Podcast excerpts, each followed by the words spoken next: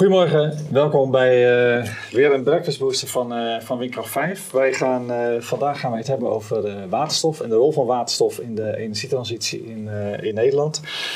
Dat gaan wij doen met een paar hele mooie, inspirerende tafelgasten.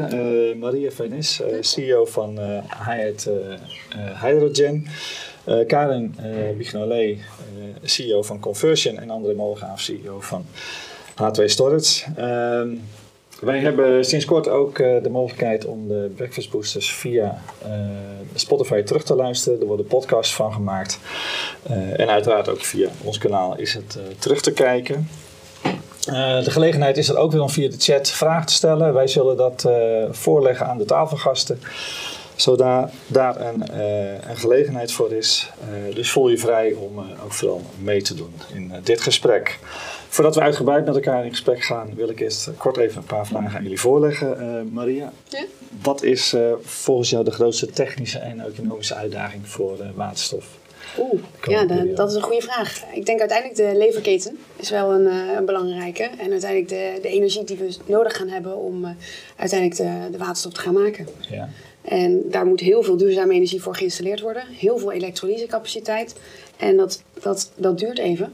En daar moet die hele supply chain eigenlijk goed voor uh, opgezet worden. En daar is iedereen heel wat, druk mee bezig. Je, wat bedoel je met de leefketen? Uh, nou, de materialen uiteindelijk. Uh, dus er zijn hele, heel veel kritische componenten die overal ja, gefabriceerd moeten worden. Om uiteindelijk die duurzame stroom te maken en ook de elektrolysecapaciteit op te zetten. Ja, dus dan heb je het over de materialen die nodig zijn om uiteindelijk waterstof te kunnen maken. Ja, inderdaad. Ja, ja, ja. En dat is nu voor, voor Ja, en uiteindelijk investeringen. Dus uh, er komt gewoon heel veel geld bij gemoeid. Uh, voornamelijk omdat het vergelijk gemaakt wordt nu met uh, aardgas versus waterstof. Ja. Waarin waterstof gewoon nog veel duurder is dan aardgas. En dat komt met name door hoe we het maken, uh, maar ook omdat die business case nog. Uh, maar zijn materialen dan schaars of zijn materialen duur? Op dit materialen duur. duur. Ja, en ook soms moeilijk te krijgen. Dus uh, levertijden hebben daar ook gewoon impact op. Ja, uiteindelijk wanneer je iets kan, kan installeren of up en running kan hebben. Waar komen de materialen vandaan? Uh, oh, eigenlijk over heel de wereld. Je kan uh, denken aan membranen ergens uit Azië en, uh, en staal ergens heel ver vandaan. maar uiteindelijk Nederland doet ook heel veel in de, in de, in de productie van materialen. Okay. De maakindustrie is leuk. Ja. goed, nou, het wordt al een heel mooi gesprek. Maar ik ga nog even door naar de, naar de andere... André, waterstof, is dat op korte termijn vooral interessant voor de grote industrie? Of zijn er ook nog andere toepassingen waar je het op korte termijn ziet gebeuren? Transport transport, dat, uh, in mijn mening is dat uh, wat ook binnen een paar jaar gaat gebeuren. En dan zeker het uh, zwaartransport. Zwaartransport? Ja. Nationaal of internationaal? Internationaal. Oké. Dan Noord-Europa. Ja, Zuid-Europa zal nog niet zo snel gaan. onder Frankrijk. Frankrijk doet wel goed mee. tot, maar tot Zwitserland, Oostenrijk en Scandinavië is gewoon eigenlijk vandaag al te doen. Oké, en waarom niet de consument? Ik denk dat daar de kostprijs te hoog voor is. Ja? De kostprijs van? Waterstof. Gewoon ja.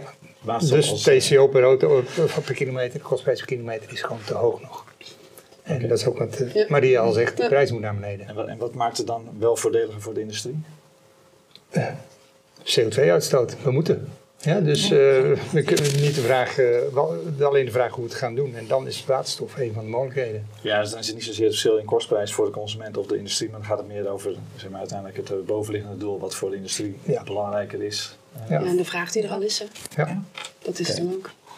Uh, Kane, je bent betrokken bij Women in Hydrogen. een platform hè, voor vrouwen in waterstof, zou je kunnen zeggen. waarom niet Women in energietransitie of oh, maar die zijn energie. Ook. Ja. Uh, Power ladies. Maar waarom specifiek, uh, waarom specifiek vrouwen in waterstof? Omdat het een heel specifiek onderwerp is. Met hele specifieke vraagstukken en hele specifieke kennis. Uh, je kunt niet alles in de breedte doen. Je moet ook soms gewoon in de diepte kijken.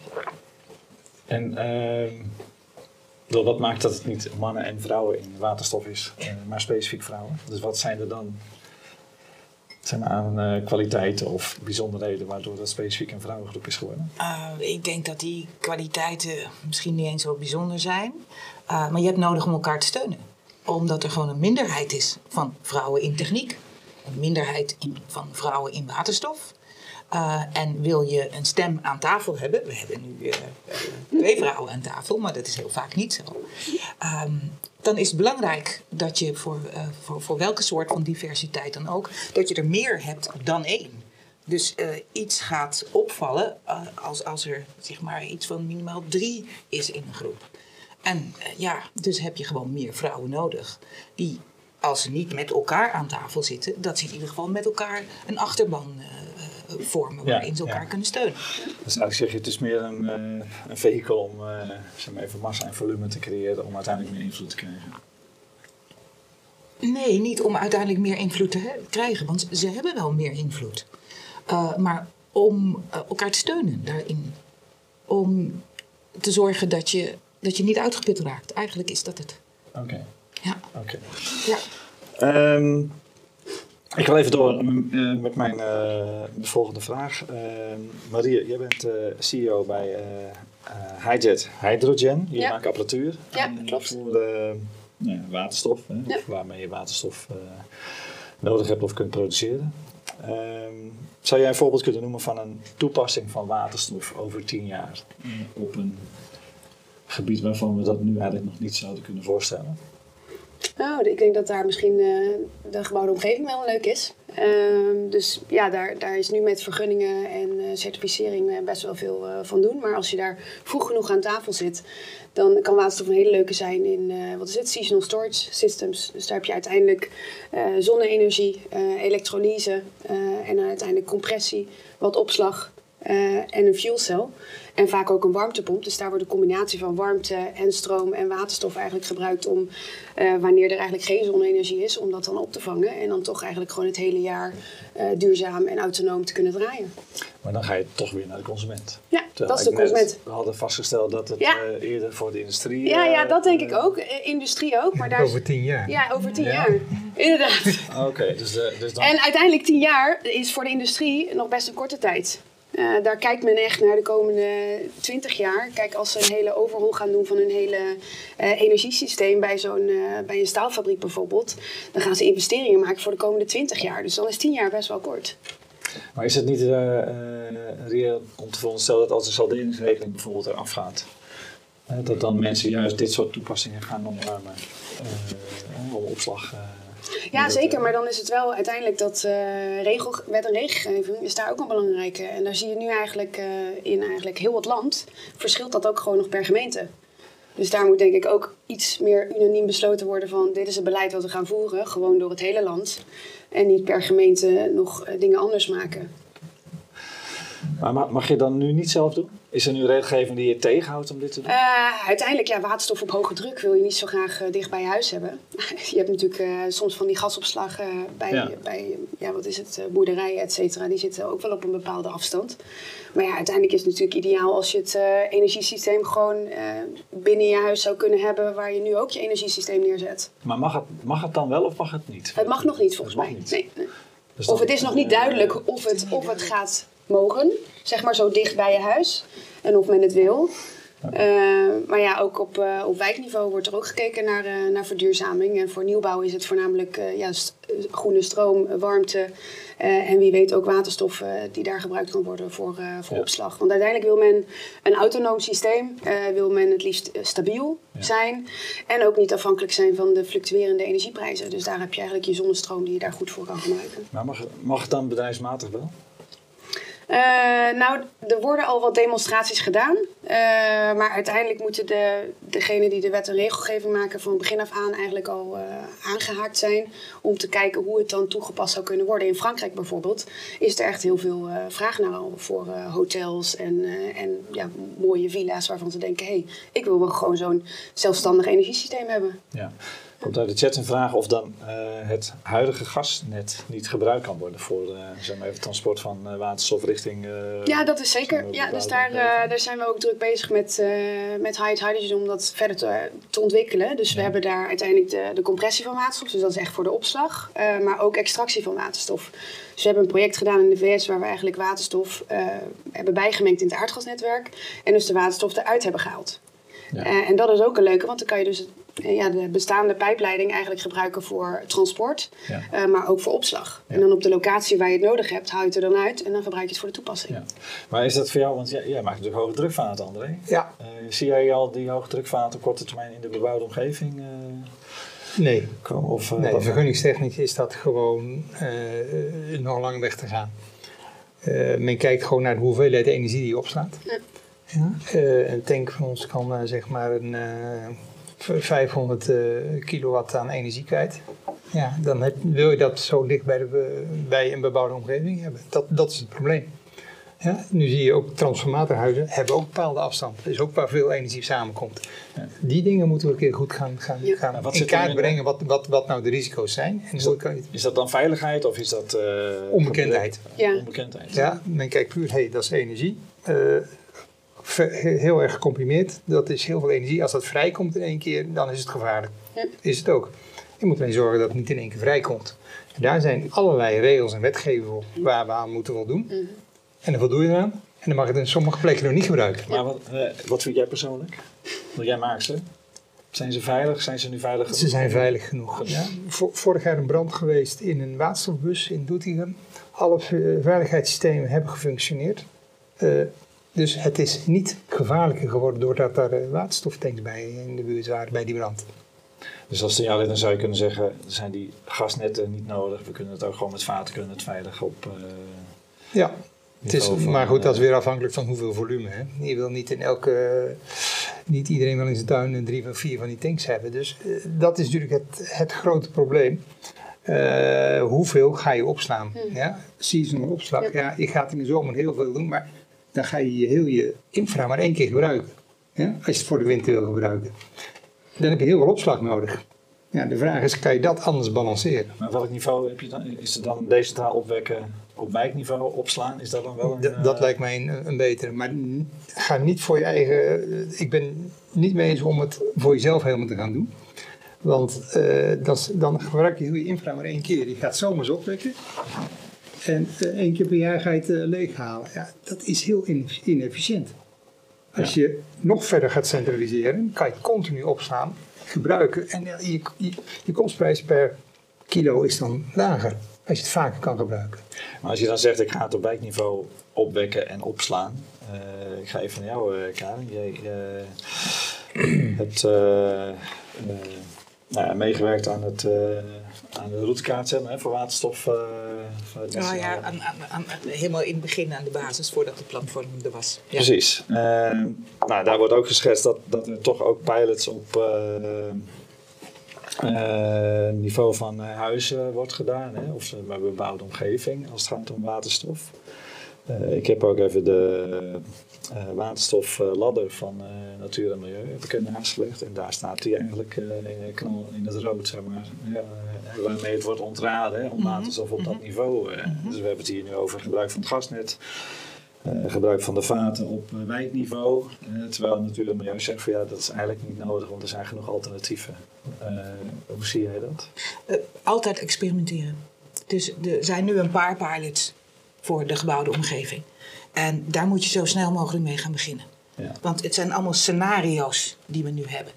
En we praten over een uh, dat gaf je ook al aan, 10, 20 jaar is niks uh, in deze energietransitie. Dus we zijn hier 100, 200 jaar mee bezig, zeg maar. Um, en het is ook voor de lange termijn. Korter, ja. ja, nee, maar uiteindelijk, hè, voor ja. dat het allemaal helemaal weer op orde is en de natuur hersteld is en weer op adem gekomen is. Dat duurt een tijd. Um, dus als je kijkt bijvoorbeeld naar het Deltaplan, om dat nog even te schetsen, dat heeft 100 jaar geduurd voordat het idee er was en de deltawerken er stonden. Ja, maar er was wel een hele duidelijke visie. dus er was een visie, er werd volgens mij ook iemand voor vrijgemaakt. Er werd op een gegeven moment een ingenieur werd er vrijgemaakt, die echt een heel team. En dat was, we gaan voor dat deltaplan gaan we echt aan de slag. We gaan zorgen dat dat over Maar dat was 50 jaar nadat het bedacht was. Kwam, maar is het nu niet langzamerhand tijd dat we stoppen met experimenteren? Dat we zeggen, joh, we hebben een route en daar gaan we voor. Uh, ja, maar in die route zitten dus meerdere opties. En je moet alle opties blijven experimenteren. Kijk, dat je op enig moment zegt van... we gaan nu bijvoorbeeld grootschalig zorgen dat we een datasteel... zoveel mogelijk energie uh, daarvoor vrijmaken... om die grote fabriek, als we ervoor kiezen om die hier te houden... heeft die veel waterstof nodig. Dus heeft die een hoge prioriteit of, of andere chemische industrie... Ehm, maar dat wil dan niet zeggen dat je dus niets meer gaat doen uh, op een gebouwde omgeving. Al is dat nu niet de hoogste prioriteit. Maar wat zie, je dan nu, wat, wat zie jij nu als eerste grootschalige toepassing van waterstof? Uh, daarvoor, de eerste grote eh, toepassing is uh, industrie. industrie. En, maar daarbij vind ik wel, en dat ben ik helemaal met anderen eens, dat de prioriteit voor waterstof in mobiliteit wel omhoog mag. Maar wat, wat, wat gebeurt er dan bij de industrie? Dus, dus als je zegt grootschalige toepassing bij industrie, en wat doet dan de industrie met waterstof?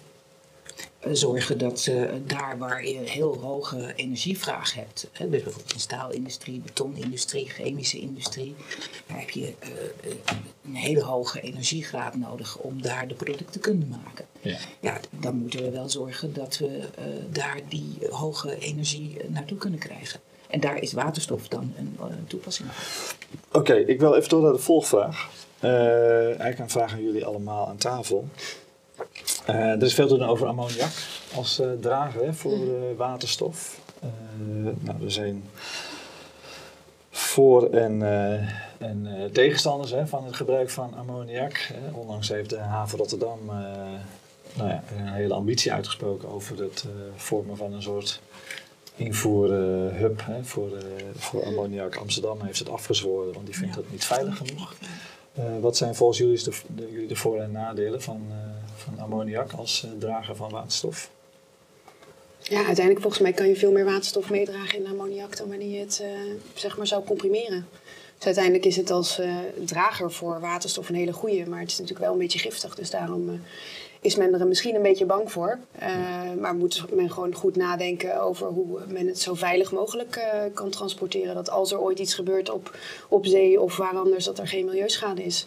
En uiteindelijk hebben, heeft men ook dat gedaan met, met LNG en met andere brandstoffen die uh, over de oceanen of weet ik het waar ja. vervoerd worden. Dus daar is men volgens mij nu mee bezig om te kijken, oké, okay, wat zijn dan de risico's? Mocht er een lek ontstaan of mocht het ergens vrijkomen waar je het niet wil laten ja. vrijkomen?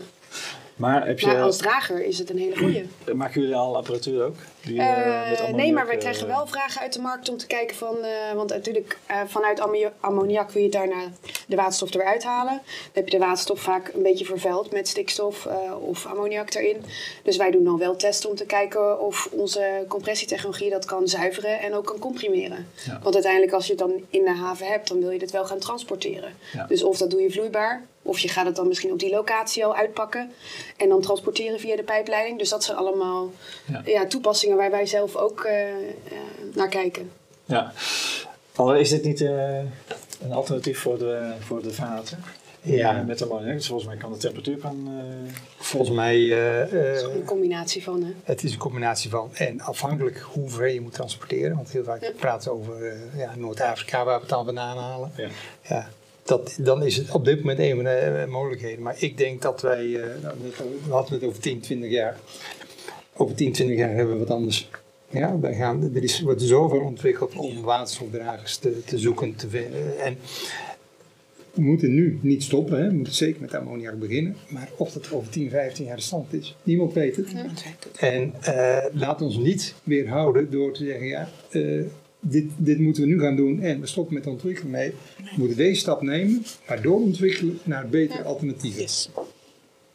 En, uh, hè, want jij maakt dan nu uh, hoge drukvaten ja. voor de waterstof. Waar zie jij voor jezelf de toepassing van deze drukvaten? Ja, wij zitten zelf veel naar de scheep, binnen scheepvaart binnen Europa te kijken. Uh, ook in zwaar transport. Ja, uh, persoonvervoer iets minder. Maar uh, het zwaartransport moet, moet een alternatief hebben. En dan is waterstof op dit moment de meest efficiënte energiedrager. En uh, ik ben dan van mening dat we wel nog veel zelfs moeten blijven kijken. De, de verbrandingsmotoren op waterstof, die, die stoten nog steeds uit. Dat moeten we eigenlijk niet willen. Ja. En dat we op korte termijn gedoogd wordt, prima. Maar op lange termijn moeten we er vanaf. En als we dat nu niet gaan doen, dan komen we er nooit meer vanaf. En als je, want hoe zie je dan de toekomst? Uh, stel even als je over 15 jaar een, uh, voor jezelf het ideale energiesysteem schetst. Hoe, hoe zie jij daar de rol van waterstof in? En op welke manier wordt het dan opgeslagen en getransporteerd? Ehm, dat het in één actie gebeurt. Ja? We zijn nu nog te veel aan het produceren, comprimeren, transporteren of, of, of via een lijn, uh, pijplijn transporteren, comprimeren, filteren. We moeten die hele supply chain op een manier efficiënter krijgen. Ja, we zijn nu nog te veel stappen aan het doen. Daarom is de kostprijs ook nog zo hoog. Want op zich, die waterstof, je weet wat een kilowatt kost. Vermenigvuldig dat en je weet uh, wat je kostprijs is. Alleen die hele logistiek, die is nog te duur. Maar dat heeft ook met volume te maken. Ja. Jij knikt driftig, hè? Dat, uh, dat het efficiënter moet. Ja, ja, nee, daar, daar ben ik... Uh... Waar ligt de eerste slag die we kunnen maken? Um, ja, nou, de, het is denk ik ook de harmonie van de verschillende systemen die, die werken met waterstof. Dus uh, daar heb je inderdaad de compressie, je hebt de opslag. Uh, sommige technologieën die hebben vochtige waterstof nodig. Uh, nou, dat, dat wil je niet dan ook weer gelijk gaan drogen voordat je het gaat opslaan. Uh, dus daar moet gewoon gekeken worden, oké, wat is interessant? kijk, wij doen dan elektro elektrochemische compressie. Wij kunnen hele lage inlaatdruk naar hogere uitlaatdruk. Dus wij zijn heel goed bij de bron. Dus waar waterstof geproduceerd wordt, kunnen wij comprimeren, kan het opgeslagen worden en getransporteerd in een pijpleiding, tube trailers of ergens in een massaopslag. Maar zet ons niet aan een tankstation die je aan het aanvullen bent met flessen.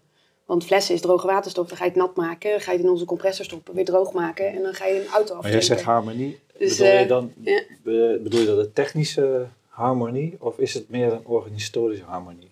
Dus is het zo dat eh, partijen nog te veel met hun eigen innovaties bezig zijn of is het gewoon dat de technologie te versnipperd ja, maar dat is? Dat komt denk ik ook een beetje samen met uh, sterk beleid. Dus nu, nu zijn er zoveel dingen die, die geprobeerd worden. En er is een, een kleine push vanuit uh, de overheid, maar nog niet een hele harde. En uiteindelijk zijn, is er echt gewoon, uh, moet men volmondig zeggen, ja, waterstof gaat onderdeel worden van die energiemix. En deze en deze en deze use case, dat moeten we gaan doen. Er is nu heel veel geld wat uh, gestopt wordt in elektrolyse. Nou, bijna ieder bedrijf is nu ineens elektrolyse, ja. of elektrolyse stacks ja. aan het ontwikkelen. Dan denk je, ja, is dat nou de juiste manier om een push te geven in de markt? Of uh, moet je meer kijken naar het geheel? Ja, je ziet dat de, heel veel ont, uh, geld gaat naar ontwikkeling nog, ja, subsidies. En te weinig naar gebruik en, en, en het verschil in kostprijs. Ja, dus we kunnen, En natuurlijk heb je eerst die ontwikkeling nodig. Alleen we zitten nu wel op een punt dat we zeggen, we moeten die markt gaan ontwikkelen. Ja, en dat wordt natuurlijk heel veel door. Doel. Ja, nou, de regelgeving wordt natuurlijk wel aangescherpt.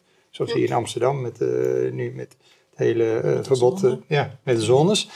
Alleen dat moet harder gaan, want uh, die vraag moet gecreëerd worden, anders blijven we alleen maar ontwikkelen en komt het volume niet. Maar wat is er dan voor nodig om die ontwikkeling zeg maar, toch wat meer te sturen? de kostprijs moet naar beneden en dat ga je doen met volume. Ja.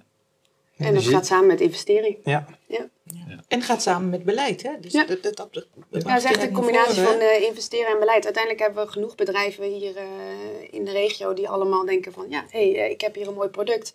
En als ik even door kan pakken en die projecten komen. Ja. Dus uh, voornamelijk wat ik ook zie in de energietransitie en in waterstof aan zich...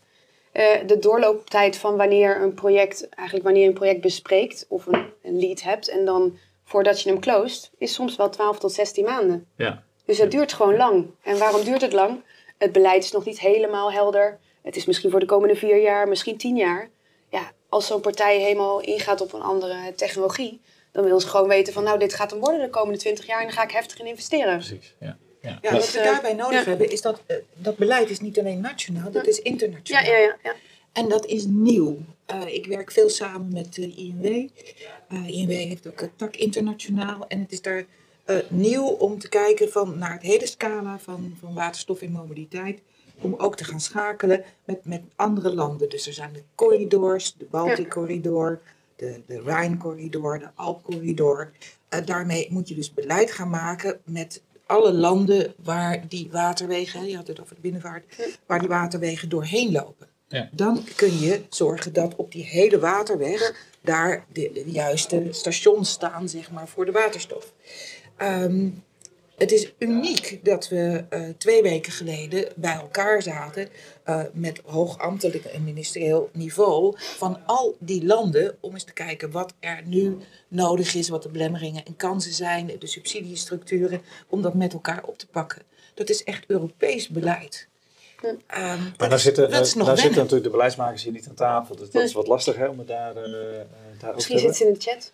Nee, dat, er, er zullen ongetwijfeld mensen van het ministerie in de, in de, in de booster zitten. Uh, maar als je één tip voor de beleidsmaker uh, zou mogen geven, wat zou dan nu de belangrijkste tip zijn voor de beleidsmaker? Organiseer deze bijeenkomsten nog veel vaker. En deze bijeenkomsten? Zoals twee weken geleden rondom, dan heb je een duidelijk project, de corridors, binnenvaart. Je hebt precies de juiste mensen die daarover gaan. Het zijn dan vaak ook wel mensen die het leuk vinden en ervoor willen gaan. Dus die nog wel even een stapje net even verder gaan binnen hun bestaande beleidskaders. Uh, en, en met zo'n tweedaagse conferentie, daar gebeuren wonderen. Ja, oké. ja. Dus dan heb je eigenlijk een groep mensen nodig die een het verschil voortrekkersrol ja, ja, willen nemen. Binnen de beleidsmakers en, en, dan internationaal. Dit gebeurt nog, ja, dat is nieuw. Ik wil, uh, ik wil door naar de kettingvraag van de vorige Breakfast Booster. Uh, daar zaten we aan tafel met een aantal mensen die over de warmtenet gaan. de kettingvraag die ze aan jullie hebben voorgelegd is als volgt. Wat zal de rol worden van waterstof in de bebouwde omgeving? Ja, ja, daar was ik al even aan het begin. Volgens mij had ik die al even aangehaald. Maar ja, uiteindelijk wil men uh, stabiliteit. Uh, men ziet nu al dat uh, congestie op het net soms een issue is. Men kan geen eens een, een connectie krijgen met hun, hun zonnepanelen naar het net. Dus men kijkt naar meer autonome systemen die zij zelf kunnen, ja. ja. eigenlijk zelf een eigen regie hebben. Dus van de zonnepanelen de, de waterstof maken, op druk brengen en ook weer omzetten in stroom als je het nodig hebt. En dan de warmtepomp natuurlijk, die is ook belangrijk. Maar ja, ik hoorde dat daar ook een leeftijd op zit van 12 tot 16 maanden tegenwoordig. Dus het is lastig met uh, de hele energietransitie, de componenten en de systemen die we nodig hebben. Uh, om te zorgen dat alles uh, op tijd er is. En wordt, wordt dan lokale opslag? Of wordt het aanvoer door middel van een net? nou, dat, dat ligt er een beetje aan, denk ik, waar je zit. Dus je hebt best wel een beetje meer remote areas. Nou, daar ga je veel meer lokaal kijken. Eh, maar waar het misschien wat, uh, wat dichter is, kan je inderdaad wel werken met een, uh, met, met een gasleiding bijvoorbeeld. En dat is ook een van de redenen waarom wij nu ook kijken naar het bijmengen van waterstof en dan het eruit halen. Uiteindelijk kijkt men ook naar een, een volledige waterstofleiding. Daar is volgens mij Gas nu mee bezig met de, met de backbone. uiteindelijk is het wel belangrijk, oké, wat voor waterstofkwaliteit gaat er lopen in die leiding? gaat die waterstofkwaliteit misschien wel voldoende zijn voor de industrie? Nou, dat is uiteindelijk, de industrie gebruikt veel meer waterstof dan, eh, dan wij uh, in de bebouwde omgeving of als consument. Uh, maar uiteindelijk mocht je ook die leiding willen gebruiken om weer aftakking te maken naar, naar bijvoorbeeld de bebouwde omgeving of andere uh, toepassingen, dan is die zuiverheid daar wel belangrijk als je bijvoorbeeld in een fuelcel wil stoppen. Ik wil even door naar een aantal vragen uit de chat. Ja. Ehm, voor waterstof is water nodig. Uh, hoe zien jullie dat uh, met zeg maar even, uh, de toekomst op het gebied van waterkwaliteit, waterschaarste, et cetera? Komt daar dan straks niet weer een ander dilemma? Nou, uiteindelijk bij de omzetting komt ook weer water vrij, dus dat is mooi. Ja. circulair, hè? Huh? Ja, circulair. maar, maar uiteindelijk kijkt men ook naar elektrolyse van, van zeewater bijvoorbeeld. Maar heeft het dan geen impact? Uh, bedoel, tekort aan... en het tekort aan water? Uh, ik denk dat, het, dat je goed moet kijken naar locaties waar je dus wel veel water hebt. Uh, en dan misschien het zo uh, op zo'n manier moet aanvliegen. Maar ik denk uiteindelijk is het, is het een balans. we zien het nu ook met, met tekort aan stroom of overschot aan stroom. Ja. ja, uiteindelijk moet je dat gewoon balanceren. En gebruik van ijzer als drager van waterstof? IJzer? IJzerpoeder? Ehm, nou, die heb ik nog niet eerder voorbij zien komen. Maar, uh, nee. ja, het is een vraag uit de chat. Ja, ja poeder. Het, het is, uh, Specificeer, kan dat? ja. Nou, bij oxidatie komt, ja. uh, daar doen we denk ik, bij oxidatie van ijzer komt er ook waterstof vrij. En dat is wel een van de dingen die in de toekomst wellicht potentie hebben. Ja. Maar op dit moment nog niet, nog niet schaalbaar. ja, misschien over tien jaar, hè, wat we net al zeggen. Ja. Hoe we het over tien jaar doen, weten we niet. Maar dat we waterstof nodig blijven hebben, ja. zeker. Ja, zeker. En wat uiteindelijk ook wel uh, leuk is, bij veel industrie komt ook veel waterstof vrij. Nou, dat wordt nu dan gevent of gewoon verbrand. Ja. Uh, maar dat zou je ook kunnen recyclen. Uh, en dan weer op kunnen slaan en dan misschien weer omzetten in stroom als je stroom nodig hebt. Of desnoods zuiveren en weer terugbrengen in het proces. Ja. Dus er is al best wel veel waterstof uh, wat overij komt, wat ook op een andere manier gebruikt en toegepast zou kunnen worden. Nou zeggen jullie net... Uh... Maar daar is schaal ook een... Uh, ja, in de industrie die schaal is gewoon uh, ja, gigantisch. Maar, maar daar ligt denk ik qua technologie ja. ook, ook wel een vraag van... Kunnen we iets ontwikkelen waar we niet die, die, die, die zuiverheid nodig hebben? Want ja. dat is natuurlijk wel erg kostprijsverhogend. Wat we volgens mij, ik heb het al eerder gezegd, moeten voorkomen is dat we waterstof gaan verbranden. Want bij verbranding komt er nog steeds CO2 vrij. En daar moeten we niet naartoe, die kant nee. op. Nee, helder. Nou zeg je, over tien jaar uh, is er best wel een, uh, een, toepassing voor waterstof, ook op lokaal niveau. Ja. Uh, over tien jaar kan natuurlijk ook congestieproblemen over zijn. Hè? Dat er netbeheerders genoeg capaciteit in hun net hebben, waardoor we gewoon echt op volledige elektriciteit de woningen kunnen... Nou ja, woningen en industrie. Ja. Verwarmen. volgens dus mij is de koperprijs daar ook wel een beetje een probleempje, toch? Dus ik zag nou, laatst een artikel over de, de kopermijnen, dat het toch ook wel een... Is, uh, laat ik het zo anders stellen. zien jullie nog een toekomst voor waterstof als blijkt dat straks uh, de netten voldoende capaciteit hebben? Ja. Zeker weten, anders, je moet net zero uh, worden. Dus uiteindelijk heb je, heb je daar echt de waterstof ook voor nodig. En ook al is het misschien 10% van de hele energiemix, maar hoe dan ook moet waterstof een rol spelen. Het is, waterstof is de buffer tussen vraag en aanbod. Ja. En, ja. Het is een buffermiddel, dus ook de netcongestie is niet het probleem. We gaan nog steeds opwekken als de zon eh, schijnt of als het waait. Ja. ja dus ja, dat doet het niet altijd, dus zullen we toch moeten bufferen. Ja, dat kan niet allemaal in batterijen. Nee. Want dat is gewoon een beetje zwaar. Ja, en alles wat vliegt en vaart en, uh, en, zwaar rijdt, ja, dat, ja, dat kan niet, helemaal niet op batterijen. Nee, dus ik, ja, ik, ik, heb volgens mij nog een, een vraag van de wetenschap. je zegt bij verbranding van waterstof komt CO2 vrij. Ja. Uh, als je waterstof verbrandt, krijg je toch CO en H2? Ja. Als je zuivere uh, zuurstof verbrandt wel. Alleen we hebben zoveel, uh, onze, onze lucht is niet zuiver. Dus de onzuiverheid die geeft uh, de koolstof. Oh, Oké, dus daar krijg je de koolstof van. Ja. ja. Helder. Um, goede vraag. even kijken, ik wil, ik wil, ik, wil weer door met de, met de volgende vraag voor jou. hoe sta je tegenover het gebruik van waterstof voor personenauto's? Ja, ik rij zelf op waterstof natuurlijk en dat gaat prima. Natuurlijk, ik weet niet of dat voor iedereen zo natuurlijk is. Ja, als je, als je zegt dat je iets met waterstof doet en je komt hier uh, met een ander voertuig aan, dan denk ik dat je uh, de verkeerde weg af uh, hebt. Maar het gaat prima. Alleen de vraag is, ehm, is het nodig? Ja, als je een, een batterijvoertuig hebt waar je 600, 700 kilometer mee kan rijden, ja, volgens mij is het dan prima om even te stoppen voor een bakje koffie. Want ik moet ook stoppen naar 500, 600 kilometer. Uh, met de huidige laadtechniek kan je daarna weer, daarna weer 400 kilometer. Nou, dan heb je 1000 kilometer gereden. Ja. ja, ga dan even lekker eten. En, en gooi nog een keer vol. Ja, ja dus ik, ik, die, die, die, die range discussie snap ik niet helemaal. Ja, het is meer het gemak, hè? Dus, uh, maar hebben, infrastructuur. Hebben wij, hebben wij een afslag gemist? De waterstofauto's? Verschillende auto's? Het is, de, de, eh, levering van de auto's volgens mij, want nee, een eh, eh, klein probleempje Kijk, ik denk dat we in Europa sowieso te laat begonnen zijn met de alternatieven. en dat er in andere landen iets sneller gaan is dat we nu inhaalslag moeten hebben. Maar zijn er landen waar al veel meer op waterstof wordt gereden met personenauto's? Nee, kijk, Korea en Japan, daar is het heel erg ondersteund ook. Dus daar zie je het ook gebeuren. In China zie je het nu ook komen. Dus ja, als wij in Europa niet snel gaan beginnen, dan, eh, dan gaan we hier ook weer de boot missen. En dat is eigenlijk niet de bedoeling. Je ziet nu wel dat er wat projecten komen. En dan zie je toch wel dat het bestelwagens zijn en vrachtwagens die gaan komen. Uh, maar personenauto's, ja, het is prima, maar het is niet nodig.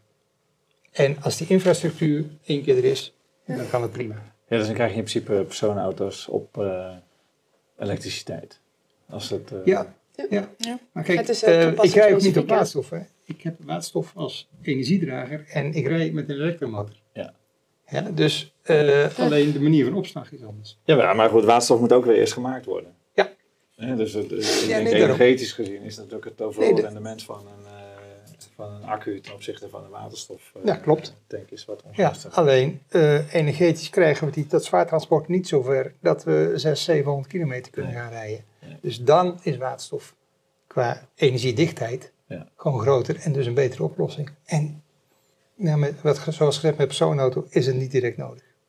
Ja, maar, maar en, als je dan zegt van ik ga het voor zwaartransport, ga ik, uh, ga ik daar wel vanuit hè, dat waterstof komt. Hè, want dan heb je toch uh, langere afstanden, zwaardere, uh, zwaardere voertuigen. Als die uiteindelijk een infrastructuur krijgen met waterstof, ja. dan kun je met je personenauto daar toch ook gebruik van maken, zonder dat er extra kosten ontstaan. Ja, nee, dat klopt. Dus rij je over 15 jaar nog met een waterstofauto? ja. Ja. Ik denk het wel. En waar kun je dan naartoe? Heel, heel Europa door. Nou, kijk, ik, ik ga, ja, waarschijnlijk wel verder dan nu. Ja, kijk, ik ga, uh, volgend jaar uh, gaan wij proberen van Oslo naar Istanbul te, te gaan op waterstof. wij zijn met onze tanks een trailer aan het bouwen en we hebben een waterstof pick-up truck besteld. En we gaan de hele westkust pakken, zuidkust Europa, 12.000 kilometer, om waterstof te promoten en te laten zien dat het nu al kan. En uh, natuurlijk heb je een probleem met, uh, met tanken in, in Zuid-Europa. Maar als je het plant, moet het, mogelijkheid, moet het mogelijk zijn. Hè? Dat, wil, dat willen wij laten zien. Maar dan zeg je toch ook dat je, dan, dan ben je toch eigenlijk wel voorstander van het rijden op waterstof met een personenauto? Ja, is dit personenauto? Kijk, ik, ik, de combinatie is uh, bijna 6 ton, dus dat is iets meer ja. dan een personenauto. Ja, ja. ja. ja. Ja, oké. Okay. Dus, ja, dus het is, altijd, het is eigenlijk gewoon zwaar transport. Ja. boven de 3,5 ton. En je moet het ook een beetje zien als, weet je, dit is promotie, het is aanzwengelen. We hebben dat toch ook gezien met die hele discussie, uh, met die uh, Highlanders geloof ik dat ze toen heten, uh, voor, de, voor het opzetten van laadpaalinfrastructuur. ja, dat waren hybride wagens die ja. merendeel gewoon lekker doordieselden, zeg maar, ja. van benzine. Maar ja, het heeft er wel voor gezorgd dat we binnen no time behoefte hadden aan laadinfrastructuur en dat die ook gekomen is. Nou, zo is dat natuurlijk ook. Je, je begint met die personenauto die op de markt was en die rolde van de bank af. Nou, daar ga je dan je promotietours en dan bouw je het langzaam op naar de bestelwagen, naar de pick-up truck, om om te komen tot, uh, tot de boten en uh, uh, de, de, de zwaardere trucks. Nou ja, misschien even dan de, de vergelijking met onze uh, laadinfrastructuur. Hè. Daar is in Nederland ook een initiatief nodig geweest. Een beetje een kip-en-ei. Mm -hmm um, situatie die, door, die doorbroken is uiteindelijk hè, door het initiatief van de netbeheerders in Nederland. Uh, je hebt natuurlijk eerst infrastructuur nodig voordat mensen uiteindelijk elektrisch gaan rijden. Ik kan me voorstellen dat het voor waterstof ook zo, uh, zo werkt. Is er nog iets nodig om een waterstofinfrastructuur, uh, laten we even Europese schaal bekijken, is er nog iets nodig om uiteindelijk voldoende laadpunten in Europa te krijgen? Of is dat al een traject die loopt waarvan we zeggen dat kunnen we aan de markt overlaten? het is nu echt aan het transport. Ja, als je nu kijkt wat er gepland is, hè, dan, dan is dat uh, is het dekkend, landendekkend. Ja? Alleen de vraag is, hebben die stations die nu gepland zijn zometeen capaciteit genoeg om vijf vrachtwagens achter elkaar vol te tanken en nog eens een keer uh, tien uh, persoonauto's in een uur? Dat is de vraag. Dus ook die, het netwerk is er, alleen die opschaling moet wel gaan gebeuren. Mhm. ja, want, uh, dus de bezetting zal daar omhoog gaan, dus moet je continu blijven uitbreiden, ook op die bestaande punten. Ja. Maar is, is dan de markt voor zeg maar even, de infrastructuur die er nu is, is die markt dan al klaar? Dus zijn er dus blijkbaar bedrijven die daarin investeren, of is het nog vooral. Nee, het, het, het is nog niet klaar. Het wordt, het wordt nog heel veel met subsidies uh, neergezet. Alleen er is wel een roadmap uh, en, en uh, er zijn plannen gewoon om, om dat uit te rollen. Maar ook daar zo loop je af en toe tegen vergunningsdingen aan dat het iets langer duurt dan men allemaal wil. Ja. Ja, vooral als het een publiek station is, volgens mij, dan kan het soms wel 12 maanden duren. Ja. 12 tot 16 maanden voordat je de vergunning hebt. Ja. Als je iets uh, privé doet, dan, dan, dan, kan het wat sneller. Ja. En het zijn plekken die al, allemaal... 12 maanden. Ja, maar die hebben, dit zijn de plekken die alle vergunningen al hebben om een tankstation te hebben. Dus dat is opslag van energie. Je gaat alleen op een andere manier opslaan en dan duurt het nog twaalf maanden. Ja, en als je uh, uh, bijvoorbeeld een, uh, een wijk hebt hè, die, die aangesloten moet worden op waterstof, die niet meer op het gas aangesloten is. Mm -hmm. tegenwoordig worden de wijken gasloos gebouwd. Ja. Stel die wijken moeten op waterstof aangesloten worden Betekent dan dat, hè, dat je dan weer opnieuw een infrastructuur moet aanleggen voor, uh, voor het transport van waterstof of distributie van waterstof? Of heb je dan, uh, kun je dan nog even de vaten gebruiken, hè, omdat er dan geen infrastructuur meer ligt? Dat is een vraag uit de chat. Ik denk daar moet het gewoon meegenomen worden. Je, kijk, eh, ook de vaten hebben infrastructuur nodig. Ja? Als je, vooral op, op wijkniveau. Ja. Ja, dus er zal altijd infrastructuur zijn. Maar betekent dat dan dat als je nu wijken gasloos maakt, dat dat ook voor waterstof een gemiste kans is? Of dat je dan uiteindelijk hè, voor dat soort wijken. Nou, nee, kijk, als, als, als het, de, het net, het elektriciteitsnet, voldoende capaciteit aan kan, kan je ergens in die wijk op één plek het waterstof omzetten in elektriciteit. Als je daarmee die hele uh, wijk kan uh, uh, bedienen, dan heb je voor de rest geen infra nodig. Dus dat, dat is wat ik net zei, je moet niet te klein gaan, je moet het redelijk grootschalig doen om het efficiënt te doen. Ja. Oké, okay, uh, daar is denk ik nog heel veel over te zeggen. Ja. De andere vraag uit de chat gaat over het importeren van waterstof.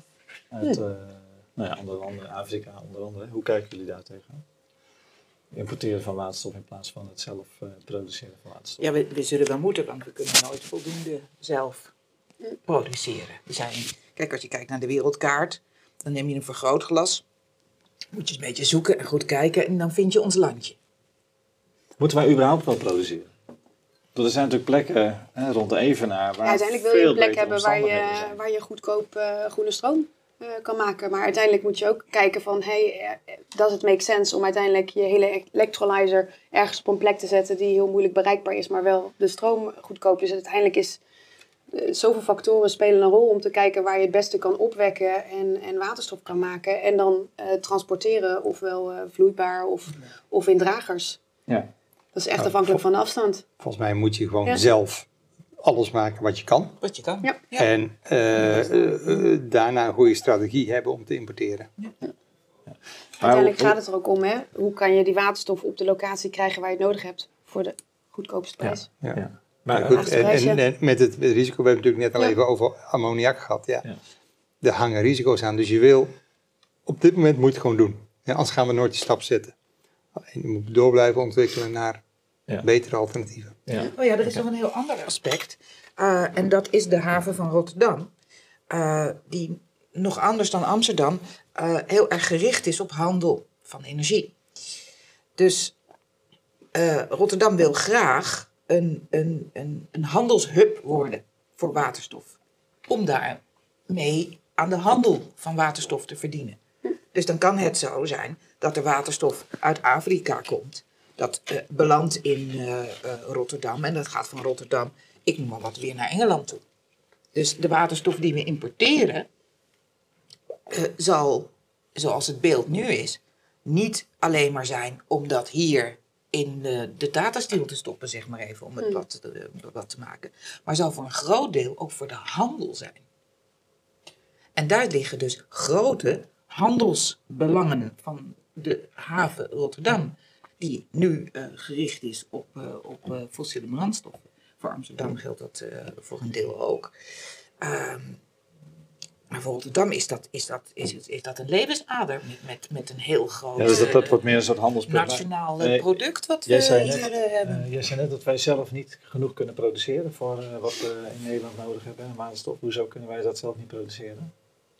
Ja, omdat we een klein land zijn heel dicht bevolkt, hele grote energievraag en een beperkt uh, aanbod aan ruimte.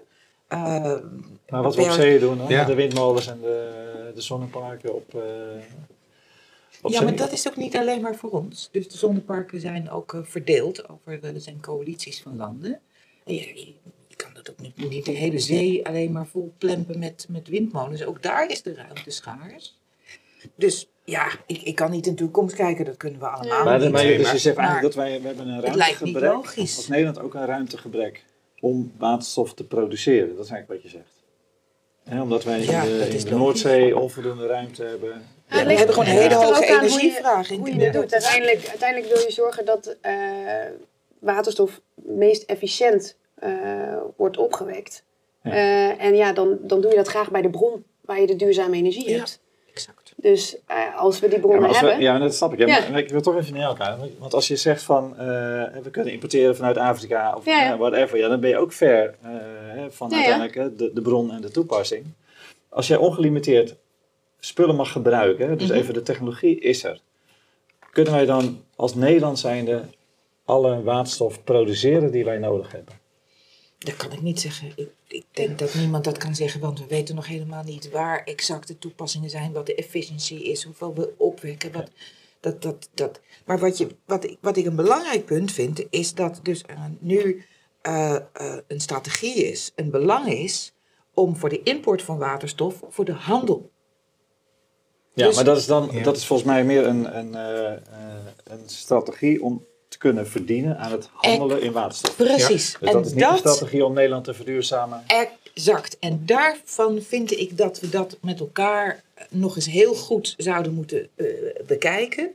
Willen wij die rol blijven spelen als, als grote speler Nederland, uh, transportland, zeg maar, willen we die rol behouden als de handelshaven voor, voor, voor, de, voor de handel in, in energie. Wat dus zal betekenen dat grote schepen met waterstof allemaal naar Rotterdam komen, dat het daar verhandeld wordt en dat ze via allerlei zijwegen weer vertrekken. In, in plaats dat het een ander scenario is dat je zoveel mogelijk lokaal opwekt en het lokaal gebruikt.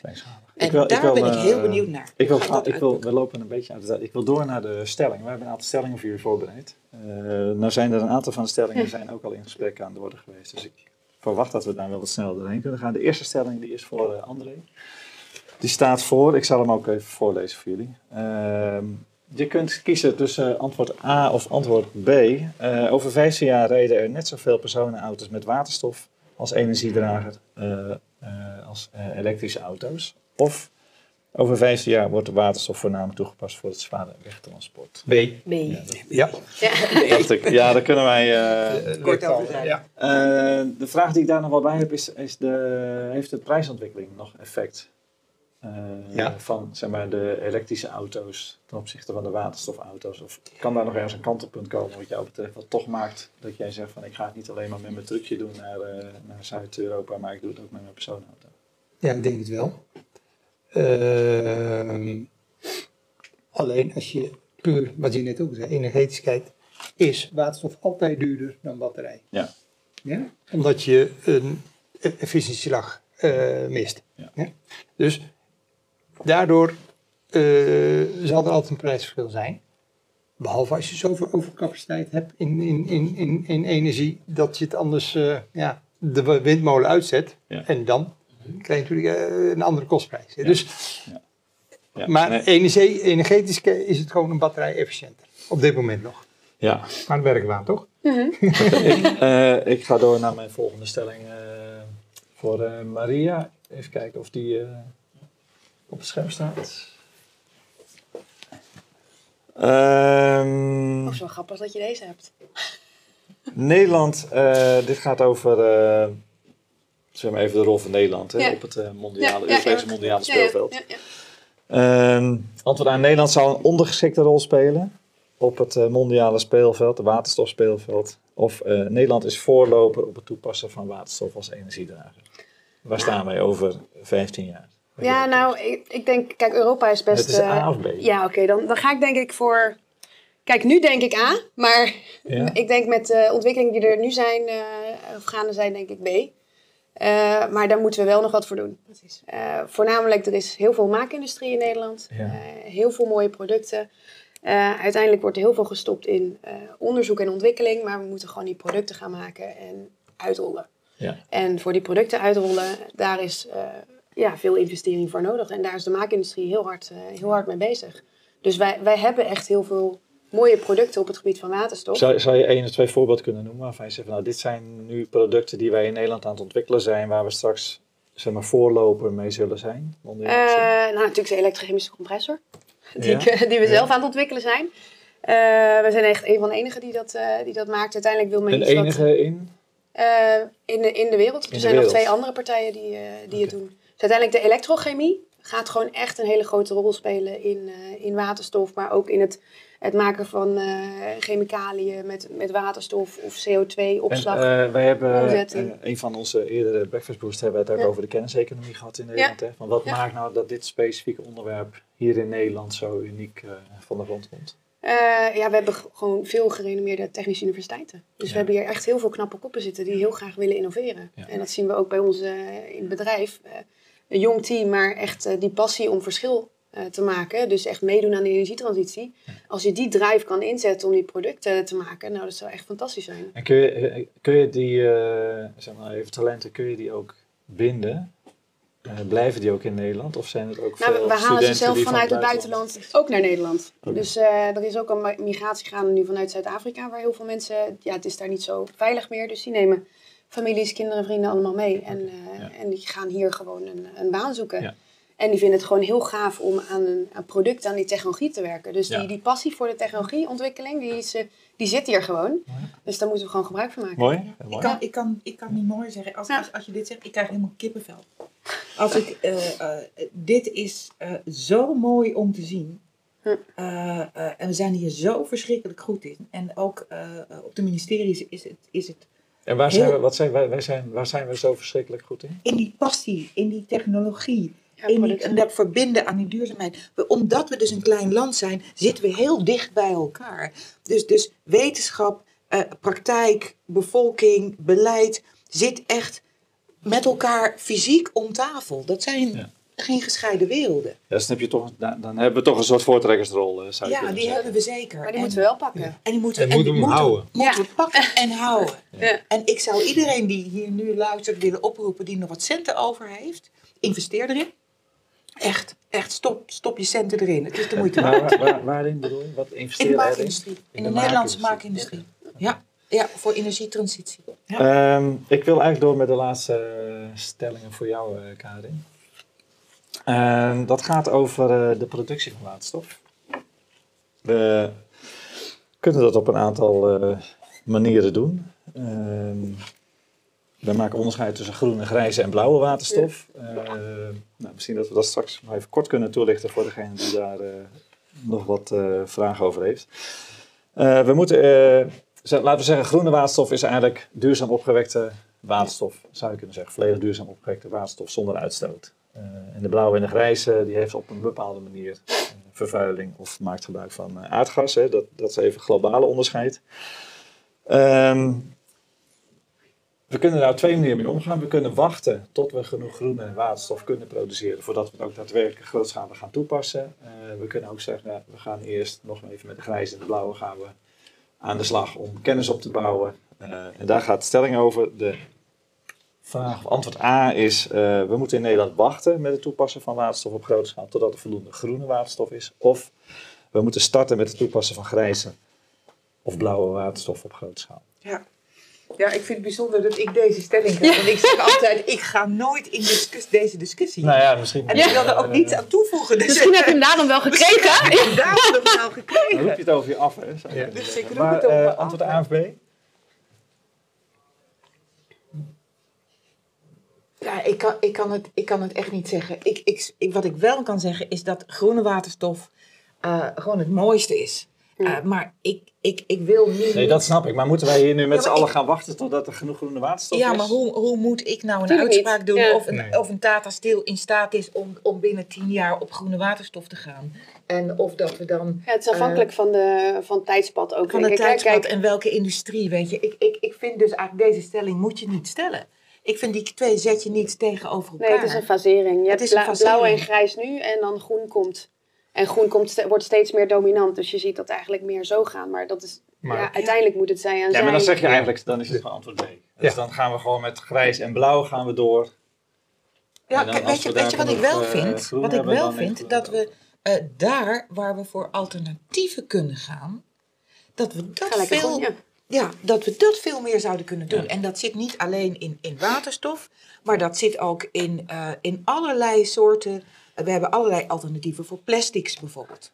Nou, en, maar we zijn gewoon gewend om te zeggen, nou weet je wat, we doen dan waterstof en dan kunnen we de plastic-industrie nog steeds uh, door laten gaan en dan kunnen we nog heel lang plastic nee, maken. Maar, maar, maar, je kiest voor B hè, in principe. Dus je zegt, we gaan wel door met grijs en blauw. Dus we gaan wel door met het, uh, het maken van ook CO2-uitstoot voor het Ja, uh, het liefst opvangen natuurlijk. Als je het CO2 kan omzetten in, in iets anders, dat is alleen maar mooi. Uh, mijn mijn stelling is, uh, uh, ga nooit door met dat je zegt van we hebben een nieuwe energiebron. Ja. En oké, dan hebben we dus de olie vervangen door waterstof, groen, grijs of, of paars of blauw, welke kleur dan ook.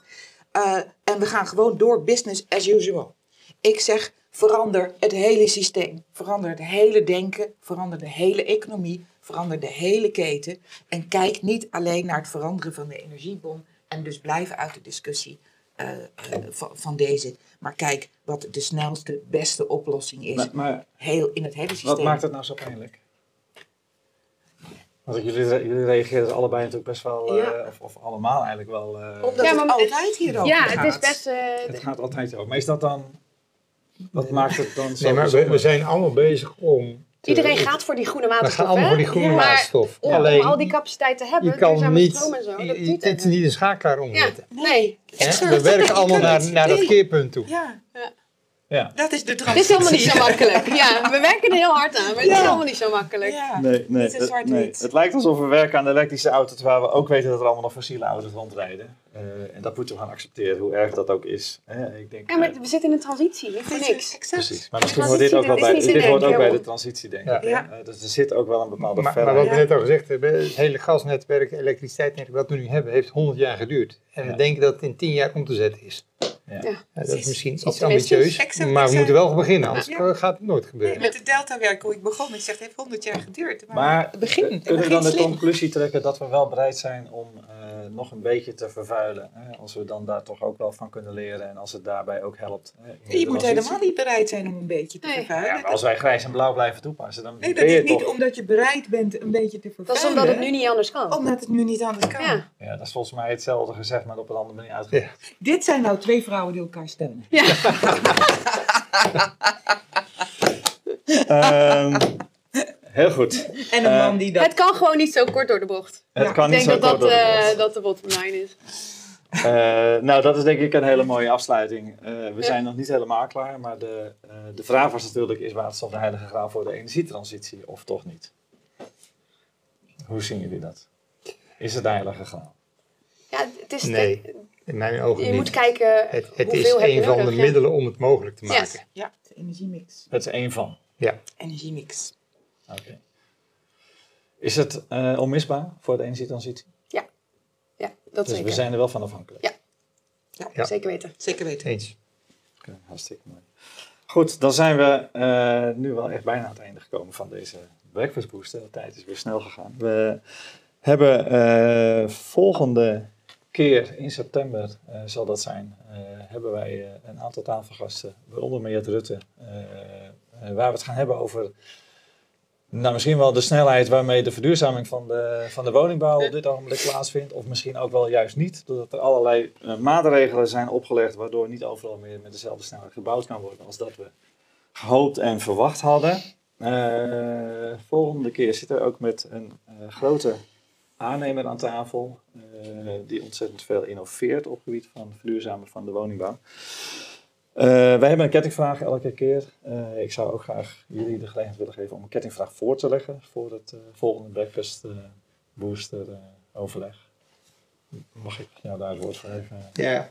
Ehm, we hebben natuurlijk al die bebouwde omgeving en die woonwijken hebben we het over gehad. Bij nieuwbouw is het realiseren, hoe gaan we dat bij bestaande bouw doen? Hoe ga je alle mensen meekrijgen in die wijk om die stap te nemen? Je ziet in de stad met Harenvliet wordt nu een eh, referendum gehouden of ze het gaan doen, ja of nee. Ja, we weten dat we allemaal moeten, maar dan moeten we wel samen dat besluit, besluit kunnen nemen. Hoe ga je dat als, als, als project aanpakken?